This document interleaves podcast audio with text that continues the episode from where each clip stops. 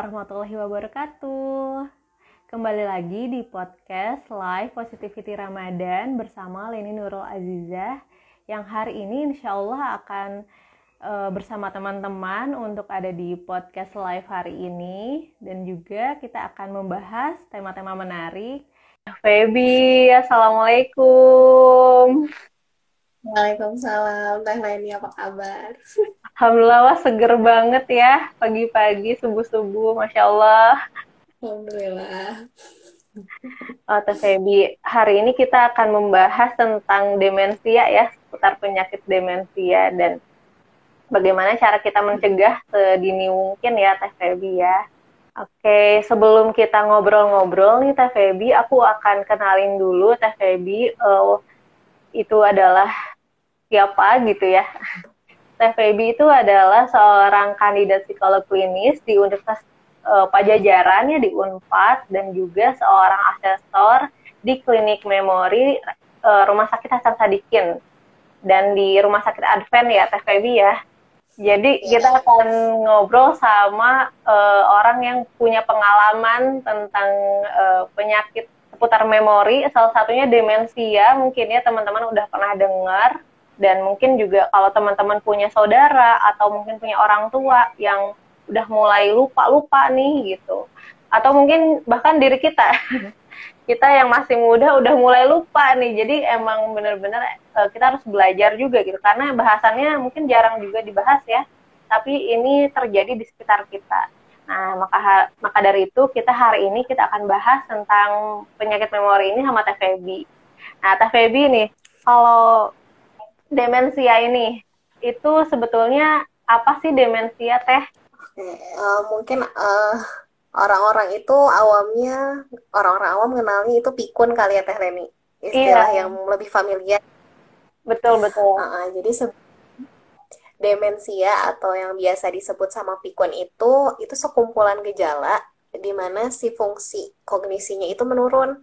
Fungsi kognisi itu apa sih? Misalnya kemampuan daya ingatnya, terus bahasanya, kemampuan dia buat keputusan, di mana si penurunan kognisi ini berpengaruh terhadap fungsi dia di sosial. Misalnya dia jadi nggak bisa nih berperan sebagai seorang ibu dengan uh, sesuai yang biasanya gitu yang seharusnya. Atau dia nggak bisa berperan sebagai seorang anak apa ayah seperti seharusnya itu juga bisa mempengaruhi fungsi profesionalitasnya. Jadi misalnya dia yang dulunya bisa bekerja sebagai seorang perias wajah bertahun-tahun gitu ya, tiba-tiba lama-lama dia jadi lupa cara buat ngerias wajah itu tahapannya harus kayak gimana. Atau enggak misalnya dia suka masak, punya catering gitu ya. Terus lama-lama dia lupa cara masak itu kayak gimana. Nah, sampai pada akhirnya si penurunan kognisi itu mempengaruhi fungsi dia di aktivitas dia sehari-hari kayak gitu. Nah, demensia juga biasanya um, ada perubahan perilaku sama kepribadian. Jadi misalnya yang dulunya baik gitu ya, sabar, ramah, tiba-tiba jadi pemarah gitu ya atau curigaan kayak gitu. Nah, terus apa sih bedanya kita ini lupa-lupa biasa sama, uh, sama yang lupa-lupanya demensia gitu ya? Mungkin ada yang uh, penasaran yeah. gitu ya. kalau misalnya si lupa-lupanya kita itu udah mengganggu fungsi yang tadi, fungsi uh, apa namanya fungsi sosial kita, kita jadi nggak bisa berperan sebagai seorang anak dengan yang seharusnya gitu, jadi nggak sopan misalnya, atau nggak jadi bingung. Nah, terus juga mempengaruhi fungsi keseharian kita, profesionalitas kita, uh, kita jadi nggak bisa uh, berperan, misalnya kita karyawan, kita nggak bisa berfungsi sebagai karyawan sebagaimana mestinya, misalnya atau enggak kita nggak bisa berperan sebagai misalnya eh, guru. Kalau misalnya kita seorang guru sebagai uh, mana seharusnya nah itu uh, red flag gitu ya. Jadi harus udah mulai uh, aware ya. apa namanya?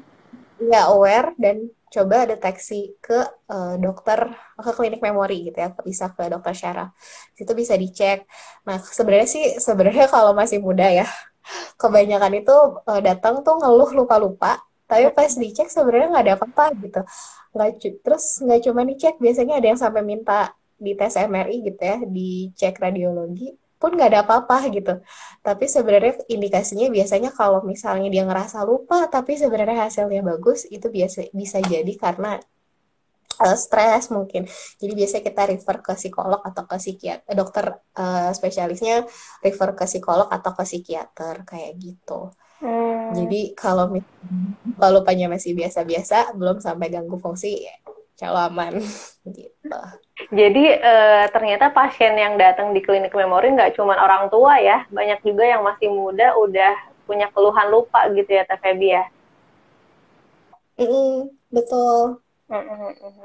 Kan masih muda dengan keluhan daya ingat Iya, iya. Oke, mungkin ini juga uh, hal yang baru nih Teh. Jadi kita pelan-pelan ya ke ke bahasan tentang demensia ini. Aku penasaran banget sih. Sebetulnya kan kalau demensia atau pikun lah ya istilahnya, kita kan bahas uh, kita suka punya stigma atau pandangan tentang kalau pikun ini terjadi normal karena usia gitu ya udah sih karena udah usianya 60 tahun pikun emang wajar kali ya gitu kan kalau kita lihat orang tua misalkan tapi pengen tahu juga sebetulnya apakah betul itu karena usia dan itu adalah sesuatu yang wajar atau mungkin punya penyebab yang lain yang uh, jadinya itu faktor menyebab yang menyebabkan jadinya seseorang punya demensia Gimana nih Kak Hobi? Okay. Mau tebak-tebakan? Boleh tebak-tebakan ya. apakah, coba kira-kira apakah penyebab terbanyak demensia? A. Uh, genetik atau keturunan. Mm -hmm. B. Uh, faktor risiko yang bisa diubah seperti gaya hidup. Mm -hmm. C. Keduanya sama berperan penting. Ah, Berarti ini nggak ada nih yang tadi disebutin sama saya tentang usia ya? Nggak ada opsinya ya? Hmm. Nanti ada, ada ada. Tapi kalau di antara tiga itu, kalian ini pilih yang mana? Kayaknya sih dua-duanya ya, mungkin ya. Kalau ada usia, mungkin aku bakalan bilang tiga-tiganya. Iya ya benar aku juga pilihnya awalnya yang C keduanya berperan penting. Nah tapi ternyata dari sekarang itu hampir ada 50 juta orang yang kena demensia. Oh. Nah faktor yang berpengaruh itu ternyata malah yang B gaya hidup dan itu adalah faktor resiko yang sebenarnya bisa diubah gitu. Hmm. Nah, faktor lain ini sebenarnya jadi ini ya, jadi bikin kita uh, ada angin segar gitu ya positif ada kemungkinan kena demensia tapi kita bisa mencegah gitu dengan pola hidup gitu. Nah, faktor lainnya yang bisa berpengaruh uh, terhadap re faktor uh, resiko demensia itu tadi benar kata Teh Leni usia. Jadi orang orang-orang di atas 60 tahun itu 15% beresiko terkena demensia. Jadi makin tua makin beresiko kena demensia. Walaupun memang ada kasus-kasus tertentu yang jarang sih biasanya uh, demensia terkena di usia yang sangat muda gitu ya. Terus ada genetik juga. Jadi kita sebagai ya Telpa tadi jawabnya B betul. Eh Teulia ya. Nah, terus ada uh, jenis kelamin. Nah, kita nih sebagai perempuan ternyata beresiko lebih besar terkena demensia. Jadi 60% orang yang demensia itu perempuan gitu. Oh. Mungkin juga Nah, hormon kali ya yang sebelumnya dijelasin sama Tevita, kita lebih uh, lebih lebih beresiko terkena stres dan stres itu nanti bisa berpengaruh juga terhadap uh, hipokampus kayak gitu. Jadi nanti ngaruhnya ke demensia juga.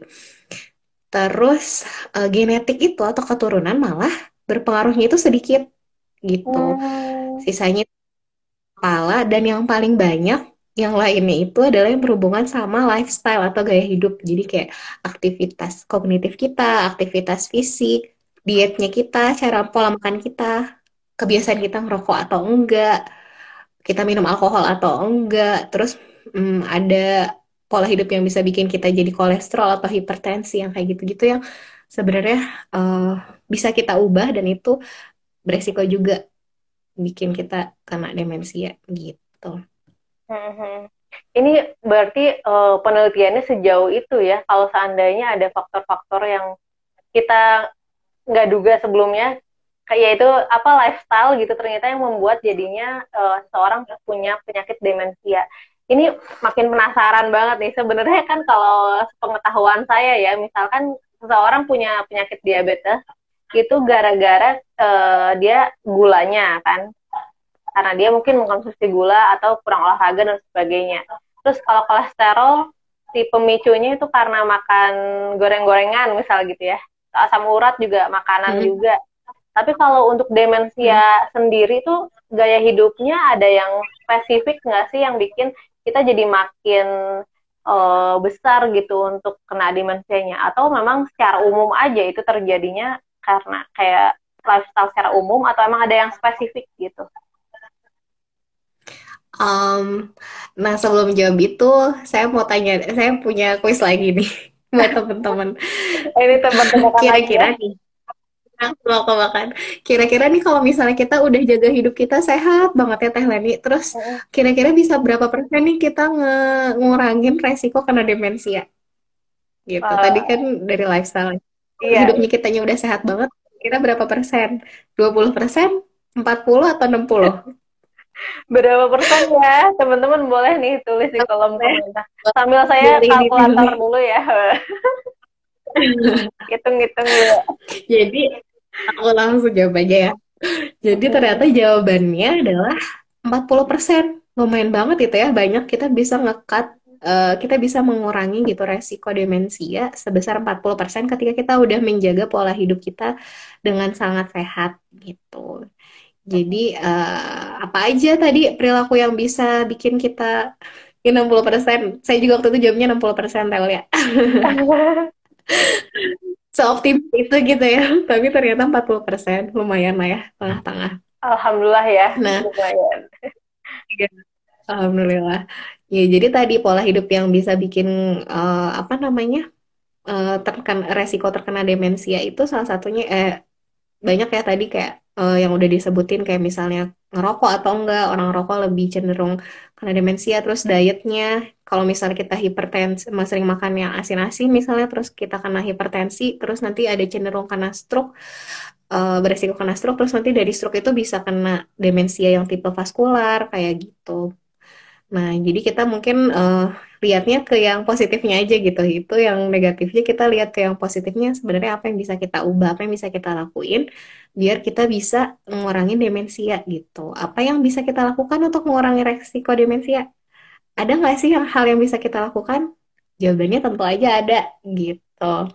Kayak tadi aktivitas misalnya kayak fisik aktivitas uh, mental terus juga diet yang sehat nggak ngerokok. Itu tuh sekarang lagi banyak diteliti gitu. Uh, seberapa besar mereka bisa ngurangin uh, resiko di uh, resiko demensia. Walaupun sebenarnya memang nggak ada nggak ada metode atau pola hidup yang menjamin kita nggak kena gitu, tapi setidaknya kita bisa berupaya untuk bisa ngurangin resikonya. Gitu. Jadi intinya kalau pola hidup kita dijaga ini juga penting banget ya. Karena kita tahu sebetulnya teorinya kalau kita harus menjaga pola hidup, makan-makan sehat, tapi pada kenyataannya kita makannya kalau buka puasa pengennya ada gorengan gitu ya. Iya betul. Padahal senangnya makan yang enak. Iya betul. Padahal minyak lagi mahal, tapi tetap aja sebetulnya kayak makanan pokok gitu ya. Iya betul. Iya, Wajib iya. gitu ya. Mm -mm. Nah ini uh, tadi juga Teh Feby cerita kalau seandainya memang ada yang datang ke klinik, terus juga anak-anak muda nih ya yang datang untuk dicek klin, uh, ke klinik memori gitu karena ada uh, gejala lupa-lupa gitu kan. Nah sebetulnya mm -hmm. uh, mulai usia berapa sih kita harus aware mungkin kalau seandainya kita punya sekarang kan kalau aku sih eh, tiga puluh tahun ya misalkan. Wah ke 60 tahun masih jauh lah gitu misal gitu ya. Ini uh, sosok tak kabur ya. Tapi kan memang harusnya dicegah ya bagusnya tapi kalau seandainya kita punya usia yang masih muda nah kalau untuk penyakit demensia sendiri tuh uh, ada nggak sih mulai usianya berapa tahun terus kita bakalan harus menjaganya dari berapa tahun atau gimana Uh, iya tadi kan kalau yang usia di atas 60 tahun makin beresiko ya. Nah, sebenarnya si demensi itu uh, kayak apa ya? Uh, ada jenis-jenisnya gitu banyak. Yang biasa kita kenal mungkin Alzheimer ya, yang ada di film A Moment to Remember gitu. Nah, sebenarnya malah si uh, Alzheimer itu dan itu paling banyak uh, itu rata-rata orang tuh kenanya di atas 65 tahun. Jenis yang lain vaskular demensia itu biasanya lebih muda, mungkin di usia 50-an gitu. Terus ada yang lebih muda lagi biasanya frontotemporal demensia. Jadi penciutannya uh, di daerah uh, otak bagian frontal lobe itu uh, biasanya sekitar 45 sampai 60. Nah, tapi um, saya pernah baca itu juga ada yang di usia 20 tahun kenanya. Nah, hmm. cuman itu jarang banget gitu. Nah, uh, cuman kita bisa uh, kita juga mungkin bisa apa ya mengurangi resiko di apa ya di usia muda itu biar nggak tadi nggak kena hipertensi, nggak kena diabetes gitu dari pola muda karena eh, dari pola hidup. Karena uh, banyak banget ya sekarang di usia 20-an, 30-an itu udah darah tinggi, misalnya udah kolesterolnya tinggi, ada yang udah gula juga mungkin dari pola hidup bukan karena keturunan. Nah, itu kan beresiko. Jadi itu sebenarnya bisa kita cegah gitu. Ya. Walaupun emang kasusnya jarang, tapi kan eh, ya mencegah lebih baik ya daripada mengobati gitu. Iya iya. Ini karena uh, makin lama otak kan makin ini. Mm -mm. Kenapa teh? Mungkin aku uh, sedikit curhat ya. karena kalau seandainya kita ngomongin tadi tentang penurunan daya ingat gitu tentang memori itu biasanya kan kalau kita udah hmm, kena stres misalnya atau kita lagi sibuk uh, bukan sibuk sih mungkin lagi rutin di rumah tangga gitu ya mengerjakan pekerjaan yang itu itu terus nah tiba-tiba kita jadi agak-agak lupa atau enggak kok jadi agak lemot misalnya gitu ya. Kok kalau nangkap informasi baru atau belajar daring misalkan kok kayak nggak se estetik dulu. Nah itu ada pengaruh juga nggak sih? Apakah itu juga termasuk ciri-ciri demensia gitu atau enggak? Mungkin ada yang harus kita aware lagi nih kalau seandainya kita mau ke klinik memori misalkan ya kan itu perlu kita mm. harus aware dulu apa sih yang terjadi sama diri kita yang memang itu tuh jadi penting untuk kita men, mem, apa berobat pergi berobat ke klinik memori itu kayak gimana teh? Ah, nah ini pertanyaannya bagus ya. Jadi kadang uh, ibu-ibu gitu atau enggak orang-orang yang saking sibuknya gitu ya ngelakuin sering ngelakuin banyak hal gitu multitasking dalam satu waktu gitu. Terus akhirnya hmm, banyak yang suka miss gitu. Ada aja yang lupa misalnya. Nah uh, itu juga perlu um, kita telusurin lagi gitu karena ketika kita ngingat itu kita butuh atensi. Jadi kalau misalnya nih kita naruh barang, dompet misalnya di atas meja. Nah, terus ketika kita naruh barang itu, kita sambil nginget yang lain, sambil mikir yang lain, aduh tadi cucian kayaknya belum dijemur gitu. Atau aduh tadi air kayaknya belum dimatiin kompornya gitu. Kemungkinan besar ketika kita disuruh nginget lagi tadi naruh dompetnya di mana, akan lupa gitu. Karena kita itu butuh atensi untuk bisa mengingat gitu.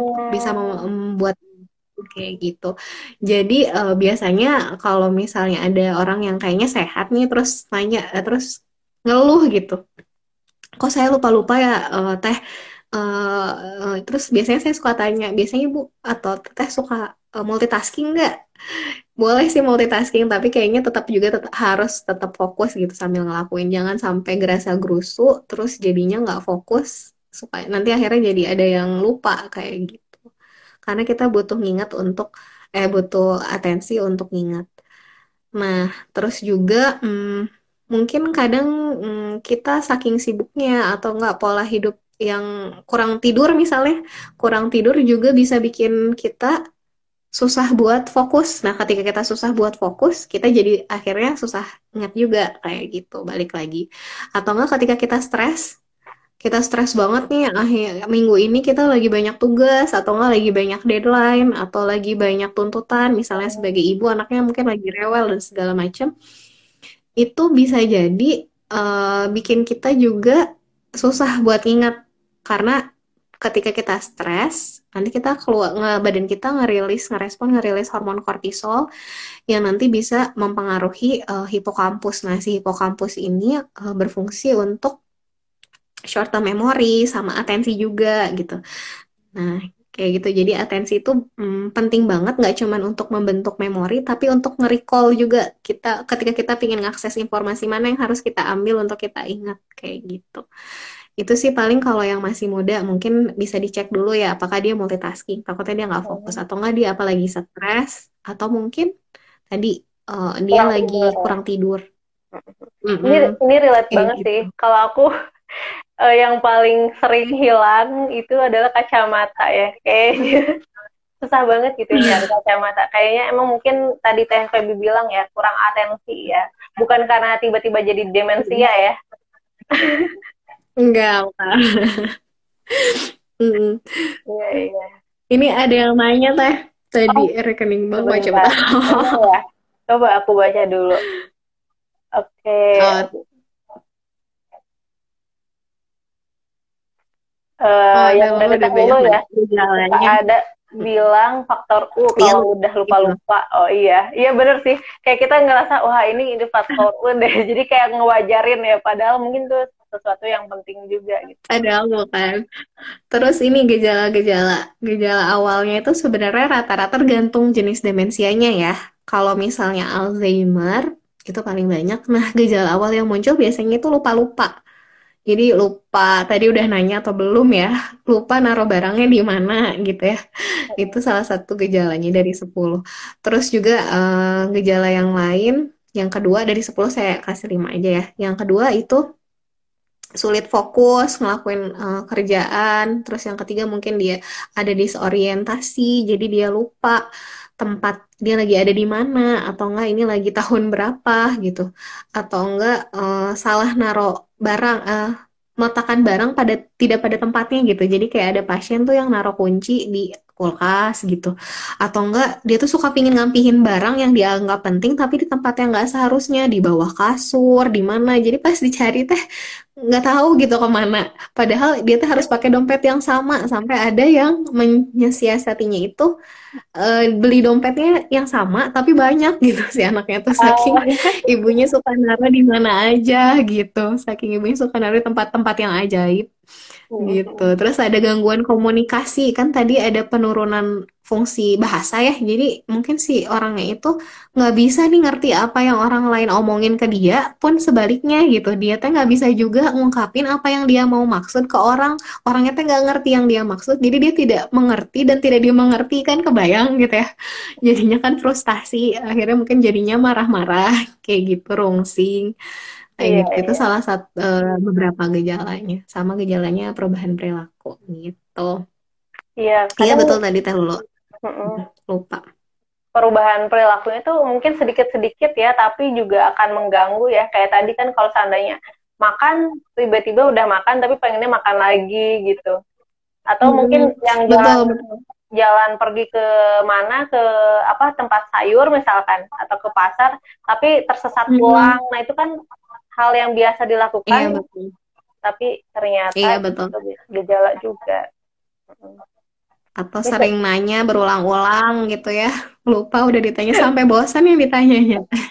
Udah ditanya kenapa ditanya lagi? Kalau, kalau perempuan biasanya ceritanya berulang-ulang. Curhatnya berulang-ulang. Saking semangatnya gitu ya. Iya atau satu lupa udah diceritain. Udah diceritain sebelum. Iya, iya betul betul.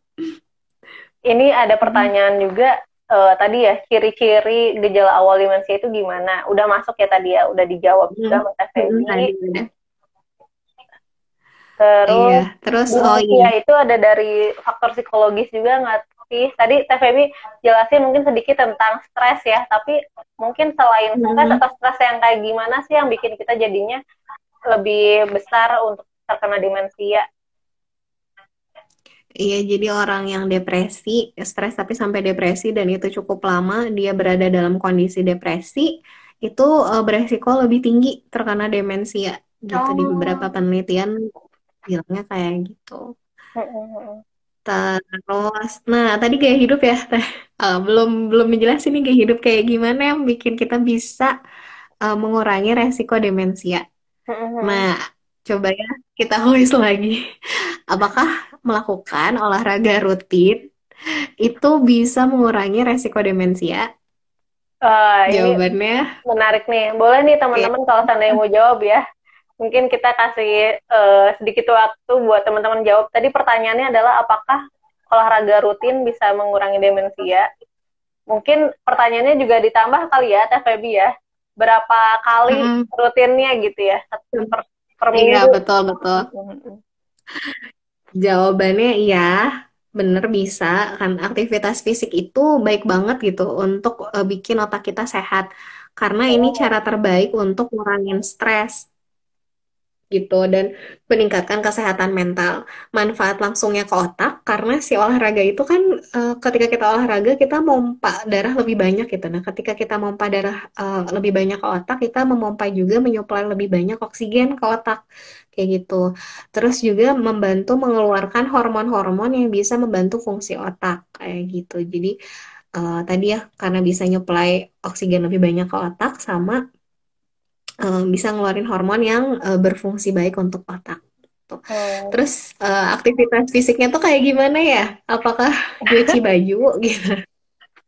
Iya kan yang kayak gitu, gitu, gitu ya, yang aktivitas di rumah aja itu udah cukup atau enggak hmm, gitu. Iya. Itu rutin kan ya sebenarnya untuk ibu-ibu di rumah. Iya iya. Masuk nggak tuh teh? Jadi kalau kata WHO sih sebenarnya uh, aktivitas fisik itu dibilangnya aktivitas setiap gerakan tubuh uh yang dihasilkan oleh kerangka yang membutuhkan pengeluaran energi. Jadi kalau saya ngelihat definisi ini ya sebenarnya nyapu ngepel kayak gitu nyuci masuk ya. Tapi mungkin itu masuknya di intensitas apa dulu gitu. Oh. Nah, jadi olahraga yang cukup itu kalau di intensitas yang sedang kayak tadi bisa bersih-bersih rumah atau enggak jalan cepet, berkebun gitu atau enggak sesepedahan tapi di yang landai itu cukup kok cuman 150 menit aja sampai 300 menit per minggu dan itu bisa di bisa di breakdown gitu. Jadi hari ini uh, berapa menit gitu dalam tiga kali seminggu gitu bisa di breakdown. Atau di intensitas tingginya itu cukup di 75 menit sampai 150 menit seminggu. Itu kayak misalnya kita jogging hmm. atau enggak kita misalnya uh, sepedahan di yang nanjak mm. dan itu bisa di mix and match gitu. Jadi bisa dikombinasiin antara yang sedang sama yang uh, tinggi gitu. Yang penting jangan terlalu sering ke sering diam yeah, yang yeah. ringan juga bisa. Stretching sedikit-sedikit itu benar-benar ngebantu juga gitu.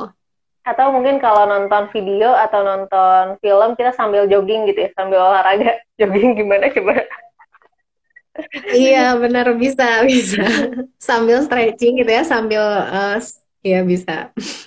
Ini push juga, up atau apa gitu Teh Lulu uh, cerita katanya kalau pas kita lihat rekening bank kok ber, kok cepet habis lupa kalau udah di check out.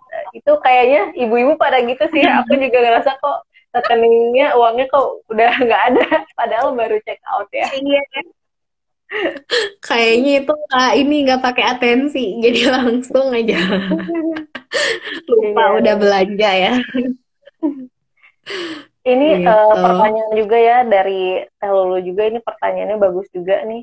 Uh, apakah mm-hmm. kalau demensia itu memang nggak kena usia ya masih muda dan produktif bisa kena juga dan juga kalau tadi Teh Febi cerita tentang genetika juga menurunkan ya berarti kalau seandainya orang tua kita men, uh, punya demensia apakah menurun ke anak nggak sih langsung uh, penyakit ini gitu? Hmm, ini ya bagus ya. Tadi udah di, sempat disinggung juga kalau misalnya hmm, jarang banget sih di yang masih muda itu kayak gitu. Makanya yang di film A Moment to Remember agak-agak hmm, kayaknya jarang deh orang usia muda banget gitu. Itu kan kayaknya sekitar 20-an ya.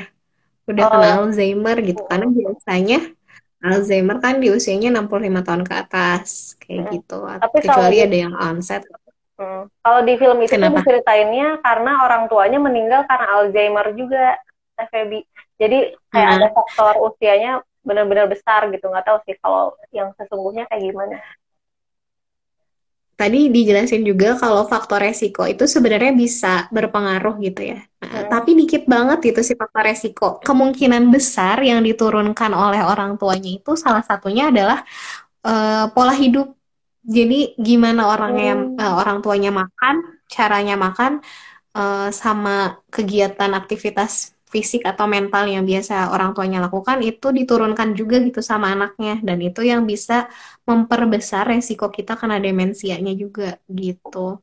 Hmm, jadi yang diturunkan bukan penyakitnya ya, tapi lebih ke pola hidupnya gitu ya diturunkan sih gennya, cuman tapi nggak terlalu banyak gitu beresiko. Hmm. Yang lebih banyak sih uh, faktor yang tadi gaya hidup, yang kemungkinan besar pun diturunkan kan ketika kita mengasuh anak kan nggak cuman ngasuh aja, tapi nggak transfer nilai, nggak transfer pola uh, ya, hidup gitu ya, ya.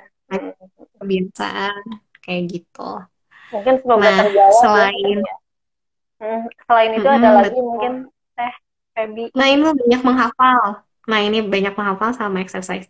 Nah, ini mau di selanjutnya ini berkaitan.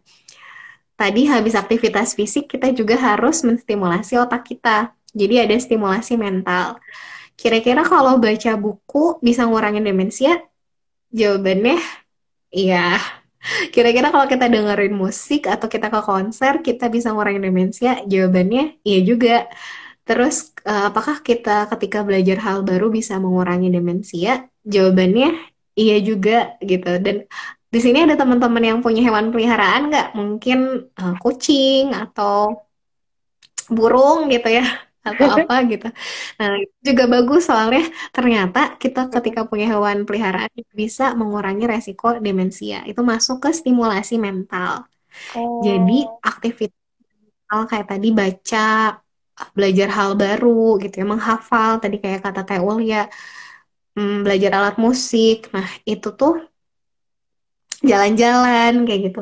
Itu uh, atau enggak aktif secara sosial nih kayak misalnya Teh Leni dan, dan teman-teman gitu ya di Positif Istri. Okay. Itu bisa uh, menstimulasi otak dan meningkatkan cognitive reserve.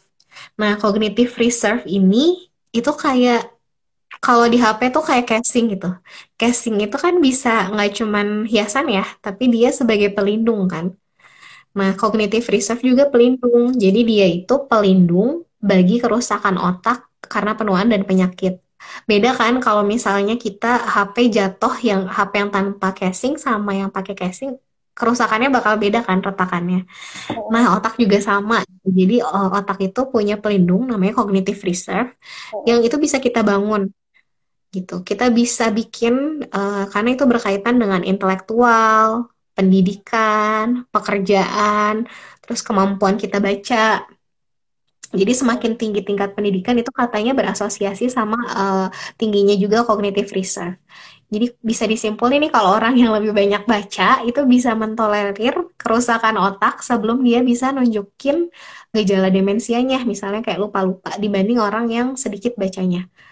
Nah, kita kan tadi ya bisa mempertahankan kesehatan fisik dengan olahraga, makan, dan lain-lain. Tapi kita juga bisa mempertahankan kesehatan otak kita dengan cara sederhana, kayak misalnya tadi um, main atau main puzzle atau baca buku dan lain-lain. Gitu. Ini uh, pas okay. banget ya kayaknya ya. Apalagi kalau seandainya kita masih muda, masih semangat belajar, itu berarti harus di apa dipupuk terus gitu kita belajar hal baru tadi Teh Febi bilang mungkin uh, bahasa bahasa baru juga ya salah satunya ya Teh Febi ya mm, betul betul kira-kira nih Teh pada usia berapa kebanyakan orang nggak bisa belajar bahasa baru Wow, ini 65. hari ini banyak banyak ini ya, banyak kuis ya. Banyak kuis. Banyak kuis. Kira-kira 65, 85 atau nggak ada batasan? Apa Untuk nih, orang kayak belajar bahasa baru ya? Mm-mm. Kayaknya susah nih, udah nggak bisa nih belajar bahasa baru gitu. Di usia berapa kira-kira kita nggak susah buat belajar lagi bahasa baru atau udah nggak bisa lagi? Wah, ini pertanyaan agak susah ya kayaknya ya. Soalnya kalau aku pribadi itu aku taunya uh, kapan anak distimulus berbagai bahasa gitu. Katanya kan memang ada usia-usia hmm. tertentu yang dia punya apa uh, otak itu lagi berkembang gitu, otak bagian bahasanya ya. Tapi kalau seandainya iya. batasan usia terakhir itu usia berapa nih? Mungkin usia udah 40 tahun ke atas nggak sih Teh Feby? Dan ternyata jawabannya nggak ada pilihan, jadi nggak ada batasan. Jadi sebenarnya si otak kita itu bisa beradaptasi hingga usia yang sangat tua gitu. Ini juga termasuk dalam kemampuan belajar bahasa baru. Jadi kita itu bisa tetap nantang otak kita gitu. Kita bisa nge-challenge otak kita karena hmm, kita itu nggak pernah terlalu tua untuk belajar. Hmm, Jadi itu iya. um, apa ya? Kita nggak pernah tua untuk belajar gitu. Itu salah satu quotes of the day ya. Yang Optimis ya harus tetap jadi semangat belajar sampai usia tua gitu ya. Iya, jadi jangan pernah merasa tua gitu untuk belajar hal baru gitu. Karena otak kita itu amazing banget. Iya, iya. Ini eh, sedikit fun fact mungkin aku juga pertanya eh, apa mempertanyakan ya. Tadi kan Teh Feby bilang ada stimulus fisik ya kan olahraga gitu. Terus ada stimulus otak yaitu tadi baca buku atau beradaptasi hal apa beradaptasi sama hal baru dan kegiatan sosial dan lain-lain. Tapi ini dulu aku waktu sekolah mungkin diajarin ya teman-teman waktu MOS gitu waktu ospek kita punya gerakan yang itu stimulus otak pakai jari ya nggak sih? Teh Feby Oh ingat iya nggak sih iya iya yang kita pakai gerakan-gerakan yang apa? Ya Iya iya pola-pola tertentu betul gitu. senam otak.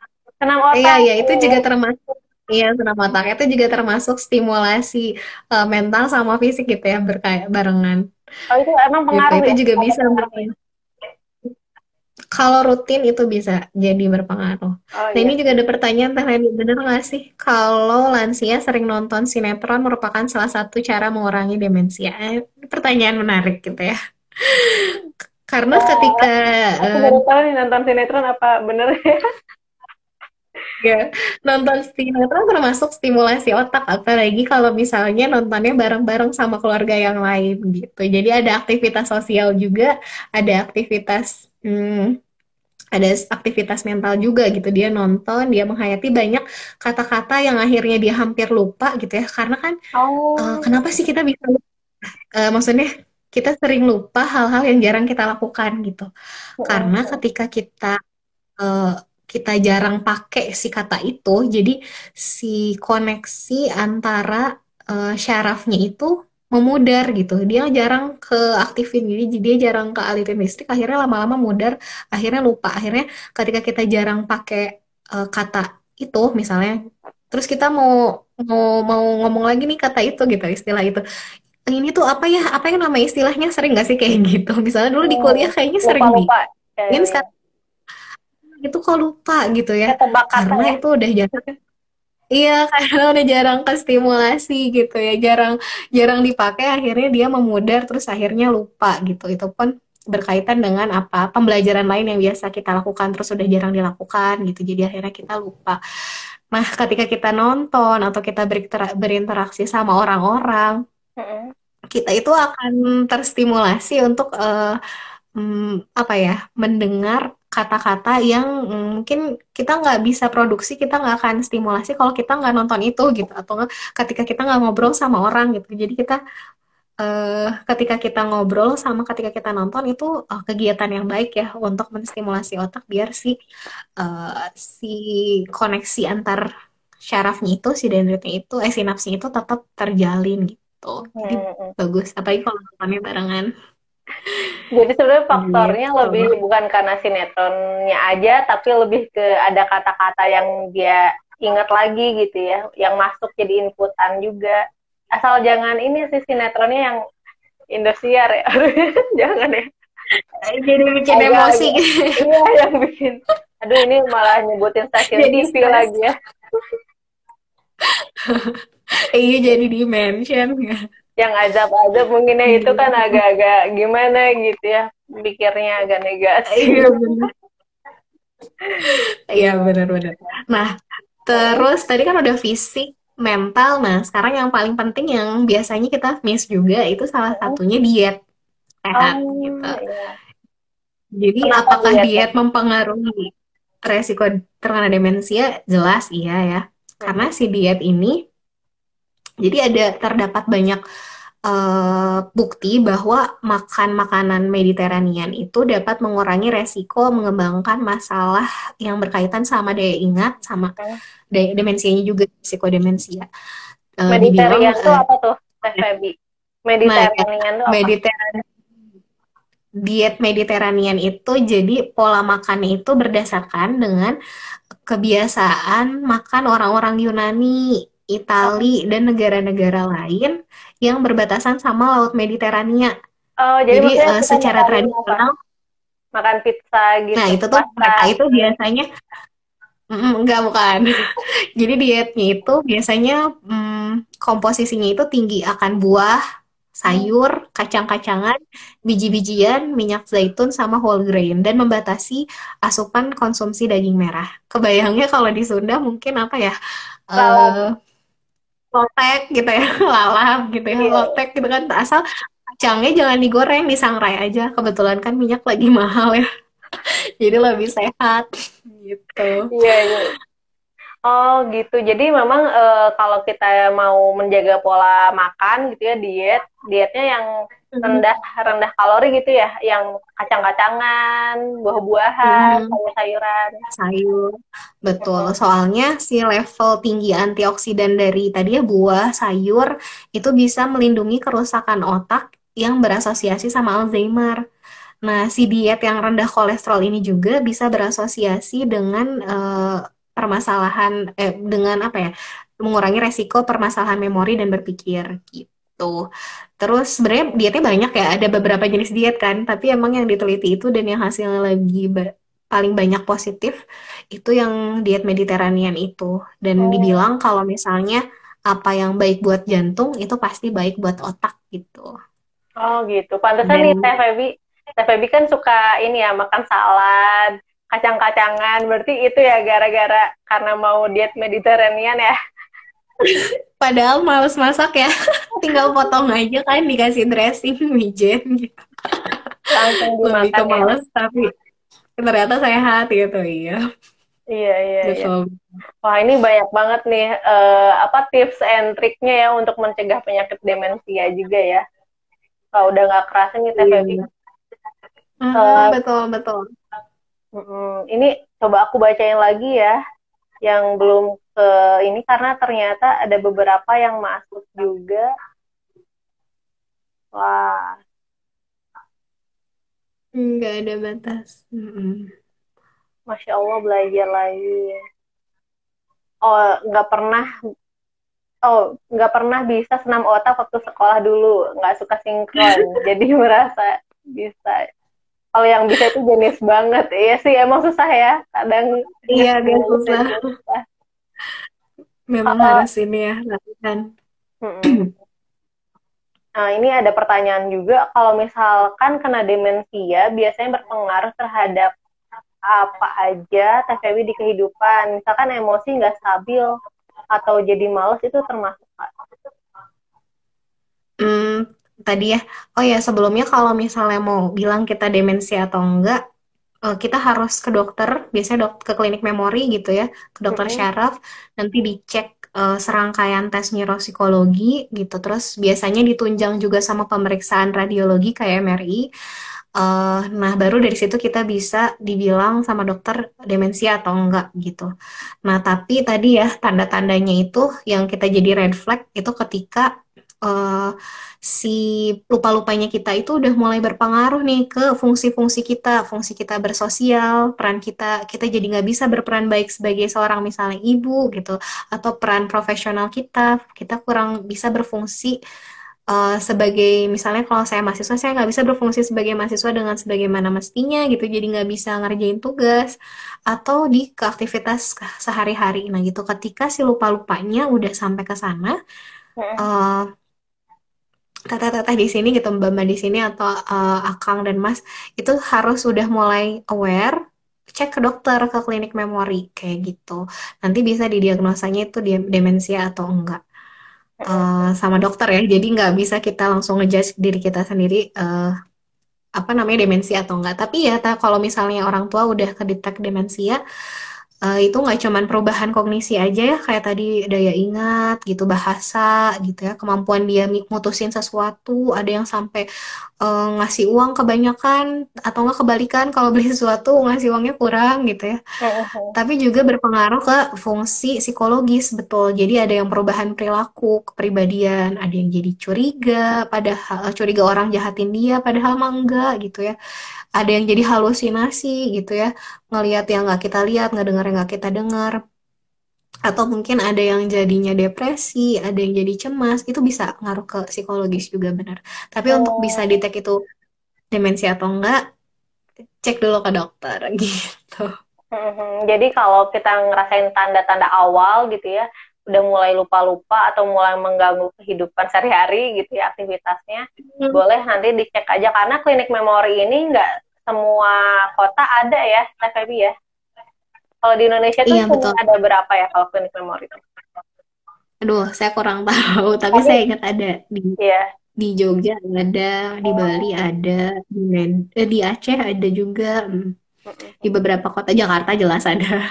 Iya, iya, iya. gitu di mana. Termasuk yang sedikit gitu ya, sebetulnya secara jumlah klinik memori itu sedikit dan teman-teman kalau di Bandung mungkin lebih baiknya ke rumah sakit yang tadi TVB sebutin ya FEB mm-hmm. kerja di atau ya. enggak uh, atau enggak sebenarnya bisa sih ke dokter spesialis syaraf kalau misalnya nggak ada klinik memori biasanya dokter mereka udah bisa screening dan lain-lain oh, iya, iya.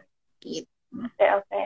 Ini uh, mungkin uh, aku juga mau nanya lagi nih sama Teh Febi ya ada hmm. cerita kalau di salah satu cerita di ruang cerita gitu si hmm. orang tuanya itu memang uh, beberapa tahun terakhir tuh sering lupa-lupa gitu karena ternyata uh, awal penyakit lupanya itu karena kehilangan istrinya gitu karena keluarga itu kan lagi berduka ya kehilangan istrinya terus si bapaknya gitu suaminya itu jadi uh, turun drastis ingatannya banyak kayak banget yang lupa terus jadinya malah ke memori yang lama terus diulang-ulang terus itu ngobrolin hal-hal yang sama terus gitu Nah, sebetulnya ada faktor hmm. kayak tadi kan faktornya psikologis ya. Saya Feby bilang kan depresi itu termasuk, stres juga termasuk. Tapi kalau lebih spesifik tentang kehilangan seorang, apalagi itu pasangan itu juga bikin seorang jadi lupa itu eh, ada pengaruhnya atau enggak ya?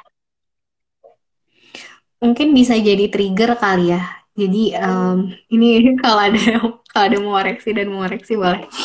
Uh, jadi uh, tadi ya balik lagi ke stres, depresi, depresi yang berkepanjangan juga bisa bikin uh, beresiko karena uh, demensianya itu jadi lebih tinggi.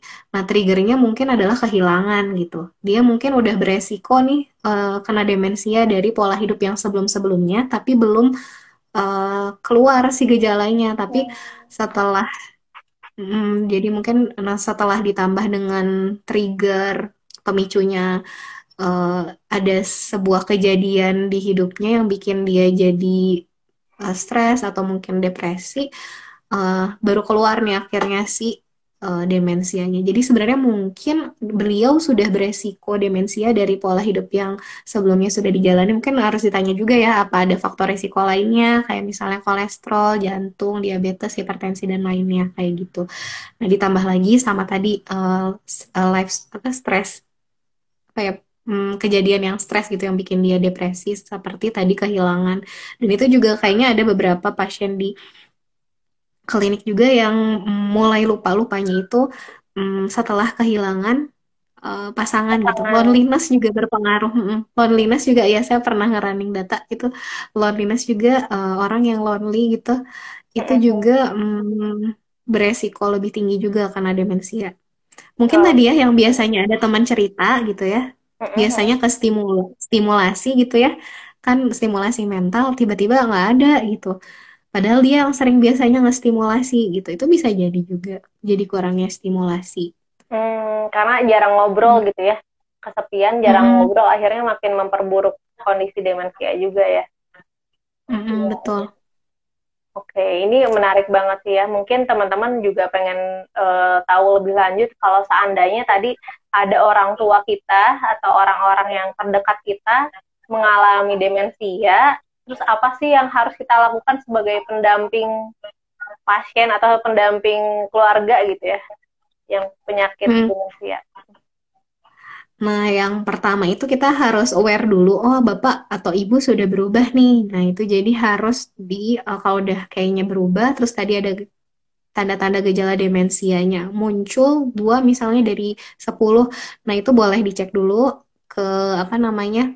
ke Klinik. klinik. Terus kalau misalnya diagnosanya udah tegak nih dari dokter, kita sebagai keluarga harus siap untuk membantu gitu ya. Karena ada penanganan farmakologis gitu ya, obat yang harus diberikan agar um, mungkin bukan mengobati, tapi bisa mengontrol agar penurunannya itu tidak turun secara signifikan kayak gitu. Jadi bisa secara uh, bertahap pelan-pelan. Nah, setelah itu hmm, kita harus ngasih salah satu buku yang saya baca gitu ya, pendampingan caregiver sebagai caregiver demensia uh, termasuk Alzheimer itu harus si keluarga itu harus 100% ngasih toleransi itu ke keluarga yang tadi pasien yang demensia itu. Karena dan nggak boleh dikoreksi karena apa yang dia persepsi itulah yang menurut dia benar. Kan tadi ya si otaknya menciut gitu rusak. Jadi persepsi dia pun jadinya bermasalah ketika kita coba untuk koreksi. Misalnya ini di tangan saya ada ada ulet nih gitu ya nggak ada kok pak. Nggak ada. Ini nggak ada ulet nah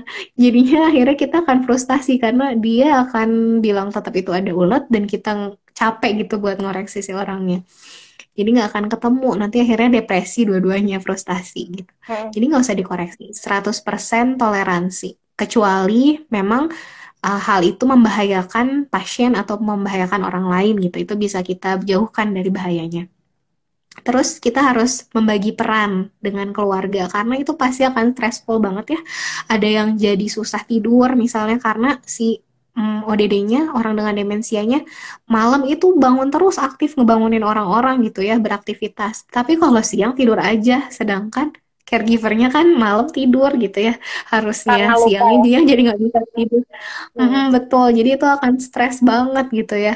Belum lagi kalau ada perubahan perilaku lainnya. Jadi butuh me time gantian sama kakak-kakaknya yang lain gitu. Atau misalnya sama adiknya. Terus uh, pergi ke mana? Misalnya healing gitu ya treatment ke uh, salon misalnya ya dipijit gitu atau uh, apa yang bisa bikin si stresnya itu menurun gitu hmm, buat mungkin ya. dia ready lagi untuk menjaga si pasiennya karena uh, well-beingnya kualitas hidupnya si caregiver itu berpengaruh juga sama kualitas hidup uh, pasiennya kayak gitu. Terus ada juga saran lainnya yang dari caregiver juga dia bilang harus berdamai dengan diri sendiri. Ini pas banget ya sama materinya Teh Leni gitu ya, berdamai dengan diri sendiri dan uh, belajar memaknai ikhlas gitu. Gimana caranya dia menerima peran sebagai caregiver gitu. Karena kan perjalanan orang untuk menerima penyakit keluarganya itu kena demensi itu beda-beda ya dan mungkin ada orang yang jadinya hmm, gimana ya orangnya jadi ngerasa dulu kan bapak tuh nggak gini gitu dulu tuh bapak tuh sehat banget gitu bapak tuh hebat banget gitu kenapa sekarang kayak gini? Jadi ada orang-orang yang kadang nggak terima gitu dengan kondisi itu. Jadi penting banget untuk bisa memaknai ikhlas sama bisa berdamai gitu dengan diri sendiri. Ajak jalan-jalan gitu diajak aktif terus selalu ngambil humor dari setiap uh, apa yang di uh, apa ya apa yang ada di lakukan sama caregiver sama pasiennya kayak gitu. Itu juga bisa membantu. Sama hmm, apa ya berdayakan dan hormati beliau. Karena beliau itu punya harga diri gitu ya walaupun dia udah berubah tapi beliau yang dulunya hebat dulunya disegani itu masih ada gitu beliau tuh kayak gitu nggak dengan kemauan dia sendiri gitu karena penyakitnya. Jadi tetap uh, berdayakan dan hormati beliau gitu. Karena deep inside itu masih dia gitu. Sama uh, untuk para caregivernya ya jaga kualitas hidup tetap sehat tetap jaga makanan sama tetap tawakal gitu. Dan ah satu lagi. Hmm, selalu ngerasa uh, Oh, uh, ada dua deh. Yang pertama selalu ngambil benefit dari bukan benefit. Kita selalu uh, mandang apa sih manfaat kita, apa uh, ambil setiap manfaat yang bisa kita dapat dari relasi merawat itu gitu. Jadi apa yang bisa kita dapat yang membentuk diri kita untuk jadi lebih baik dari uh, relasi merawat itu dan uh, yang terakhir ingat kalau misalnya ini tuh sementara, nggak ada yang abadi gitu Jadi ketika kita tahu kalau misalnya momen merawat orang tua atau saudara ini adalah sementara, kita akan berusaha untuk ngasih yang terbaik. Kayak gitu. Ini nggak nggak akan selamanya kok. Ini tuh sementara. Jadi udah kasih yang terbaik gitu. Gitu sih Pak. Iya, iya. Dan ini juga mungkin uh, kenapa begitu berat ya kalau kita mendampingi orang dengan demensia itu salah satunya karena secara fisik bisa jadi dia sehat ya, FEB ya secara fisik tuh masih iya, bisa jalan, masih bisa ngomong, hmm. tapi e, karena demensianya jadinya keganggu ngomongnya suka asal, misalkan suka sering marah-marah gitu ya. Jadi padahal iya, secara fisik sehat, tapi ternyata secara mental eh, atau secara e, sarafnya mungkin ada yang terganggu gitu ya. Uh, betul, betul banget. Iya ya, dan tadi ya metode apa belajar ikhlas gitu ya, karena ternyata nggak iya. selamanya gitu. Kalau seandainya orang tua kita kena demensia itu berarti kita dikasih amanah untuk bisa merawat orang tua ya. Semoga itu juga jadi amalan baik juga nih itu buat teman-teman hmm. buat kita sebagai anak gitu ya. Menarik iya, banget betul ini ada pertanyaan lagi nih kayaknya yang masuk ya. Boleh. Oh iya satu lagi teh Febi dari Teh Lulu nih. Maaf nanya mulu Gak apa-apa nih. Saya pernah dengar cerita juga ada seseorang yang ibunya dulunya uh, produktif ngurus anak dan anak-anaknya banyak. Tapi pas anaknya udah besar dia suka lupa-lupa gitu. Nah iya iya benar-benar. Ini juga yang terjadi sama orang tua aku ya. Jadi pertama ngedrop itu sedikit cerita ya, tapi curhat dulu. Hmm. jadi sedikit. Uh, jadi ngedropnya itu setelah anak terakhirnya menikah kalau saya sih ngerasa kayak gitu. Kenapa ya? Jadi dulunya yang asalnya masak gitu ya selalu masak dalam jumlah yang banyak jadi nggak masak lagi gitu. Terus uh, hmm. jadinya banyak lupa juga di akhir-akhirnya dan ngomongnya juga udah mulai uh, selalu agak-agak kacau gitu ya. Bukan yang real gitu. Nah ini mungkin apakah hmm.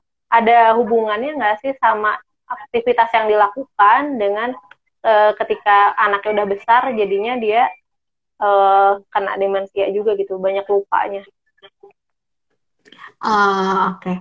hmm, bukan karena anaknya banyak ya jadi resikonya kena demensia nggak jadi mungkin sebenarnya ada penurunan aktivitas yang signifikan gitu. Jadi dulu dia aktif ngurus anak-anaknya, masak dan lain-lain.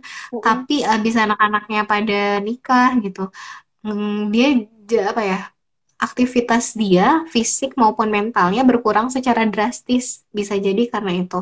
Hmm. dan sekali lagi lihat lagi faktor resikonya gitu. Jadi kita lihat ibunya ada kolesterol nggak ibunya ada hipertensi nggak ada penyakit jantung nggak ada diabetes nggak. Jadi sebenarnya dia udah punya resiko itu tapi biasanya dibantu ya. Tadi ada cognitive reserve dengan aktivitas mental yang biasa dia lakukan. Tapi uh, mungkin uh, ini kalau misalnya ada yang mau koreksi boleh. Tapi mungkin ketika anaknya udah pada nikah, si aktivitas mental sama fisiknya berkurang drastis. Jadi si cognitive reserve-nya mungkin berkurang gitu secara drastis. Jadi ketika ada dia udah punya resiko, biasanya terlindungi, terproteksi dengan cognitive reserve. Nah sekarang um, udah nggak, dia masih punya resiko, tapi pelindungnya udah nggak ada gitu, udah jadi sedikit. Nah kebayangkan jadi akhirnya terkena lah itu gitu. Hmm. Ini sedikit tambahan hmm. dari Teh Lulu ceritanya yang tentang ibunya tadi, ibu seseorang ya. Hmm. Padahal tuh sampai hmm. sekarang masih produktif aktivitas ngajar. Jadi mungkin emang seorang guru ya ibu-ibunya. Hmm. Cuma udah nggak ada anak yang diurus. Nah, apakah ada solusinya nggak? Kenapa bisa gitu? gitu. Hmm, oke okay, oke. Okay. Jadi sebenarnya bisa jadi level pendidikannya mah tinggi gitu ya. Jadi ada cognitive research masih aktif juga ngajar gitu ya sosial.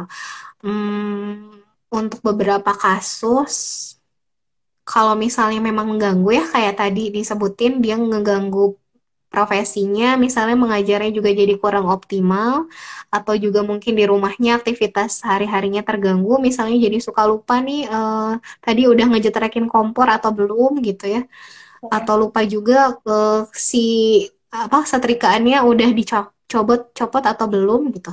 Nah, ketika kayaknya udah mengganggu dan berbahaya, boleh dicek aja ke hmm. dokter gitu ke klinik buat dicek apakah si uh, lupa-lupanya itu kayaknya bagian dari tanda demensia atau bukan. Nah, kalau misalnya memang itu bagian dari tanda demensia, itu nanti bisa dibantu dengan obat karena deteksi yang lebih dini berarti kan treatmentnya lebih cepat ya. Oh, Jadi si penurunannya juga bisa kita cegah dengan uh, penurunan yang cepatnya bisa kita cegah dengan lebih cepat kayak gitu. Jadi penurunannya bisa lebih lambat. Gitu di telur. Iya, iya. Ini juga uh, perlu kita sadari ya, mungkin memang harus deteksi dini lebih awal. Kalau seandainya orang tua kita mulai lupa-lupa, ya coba aja dicek ke klinik memori ya. Supaya nanti hmm. kalau di klinik memori mungkin udah ada bantuan-bantuan stimulus-stimulus yang bisa jadi rekomendasi ya, kayak kayak tadi Teh Febi bilang. Rekomendasinya banyak tuh, ada aktivitas fisik, aktivitas mental, sama obat-obatan juga gitu. Mm -hmm. Dibantu termasuk yang penting obat juga. Iya, iya. Wah, nggak kerasa nih Teh Febi ternyata pas lihat jam udah jam hampir setengah tujuh, Masya Allah. Iya, iya. Padahal kita lagi asik ngobrol ya, ternyata udah siang aja dan udah lebih dari 30 menit. Ini Masya Allah, Teh Febi, uh, terima kasih banyak mungkin ya teman-teman kalau seandainya ada pertanyaan atau pengen konsultasi langsung nih sama Teh Febi, boleh mungkin Teh Febi bisa ngehubungin Teh Febi di mana? Boleh di DM aja ya di IG. Oh iya, nanti mungkin uh, ada IG-nya Teh Febi ya, kita tag juga ya. Masya Allah, mm -hmm. tapi banyak banget ilmunya, Alhamdulillah ya. Semoga jadi pelajaran juga, jadi uh, pengetahuan yang baru juga buat teman-teman, buat saya juga, karena ternyata menjaga kesehatan memori sama pentingnya ya, sama dengan ke menjaga kesehatan fisik, uh, kesehatan mental, dan itu perlu kita sadari lebih dini gitu supaya nantinya nggak uh, kena penyakit-penyakit degeneratif ya seperti demensia. Ya Allah, terima kasih banyak Teh Febi atas waktunya dan kesempatannya, masya Allah ya di antara kesibukan banyak. Ini maksudnya, iya. Sama oh, Teh. Telepon boleh, wah harus kenalan dulu ya, jangan tiba-tiba telepon. Nanti kaget Febinya. tante. boleh. Oh, tante. Ya, Assalamualaikum. Tante ini boleh lah kalau gitu. Kirain memang belum kenal sama sekali ya. juga Teh Leni udah diundang. Mohon yeah. maaf kalau ada. Iya, makasih banyak nih teman-teman juga ya dan uh, mungkin sekian uh, podcast live hari ini, subuh ini teman-teman kalau seandainya pengen uh, ngobrol lebih lanjut bisa kita uh, nanti ke Positive History atau enggak ke Teh Febi ya lewat DM nanti kita tag akunnya Teh Febi. Dan juga untuk teman-teman yang mau ikutan forum cerita hari Minggu ini juga insya Allah akan ada sama Teh Vivi Lutfi Hayati temanya terkait um, berkarya atau um, menjadi ibu gitu. Jadi sangat menarik banget sama sangat relate banget sama kita sebagai perempuan dan juga sebagai ibu yang perlu uh, punya aktivitas sosial ya. Tadi TVB juga udah mention berkali-kali apa sih yang bisa kita lakukan untuk aktivitas kita di sosial gitu. Nah, terima kasih banyak atas perhatiannya dan kita undur diri. Assalamualaikum warahmatullahi wabarakatuh.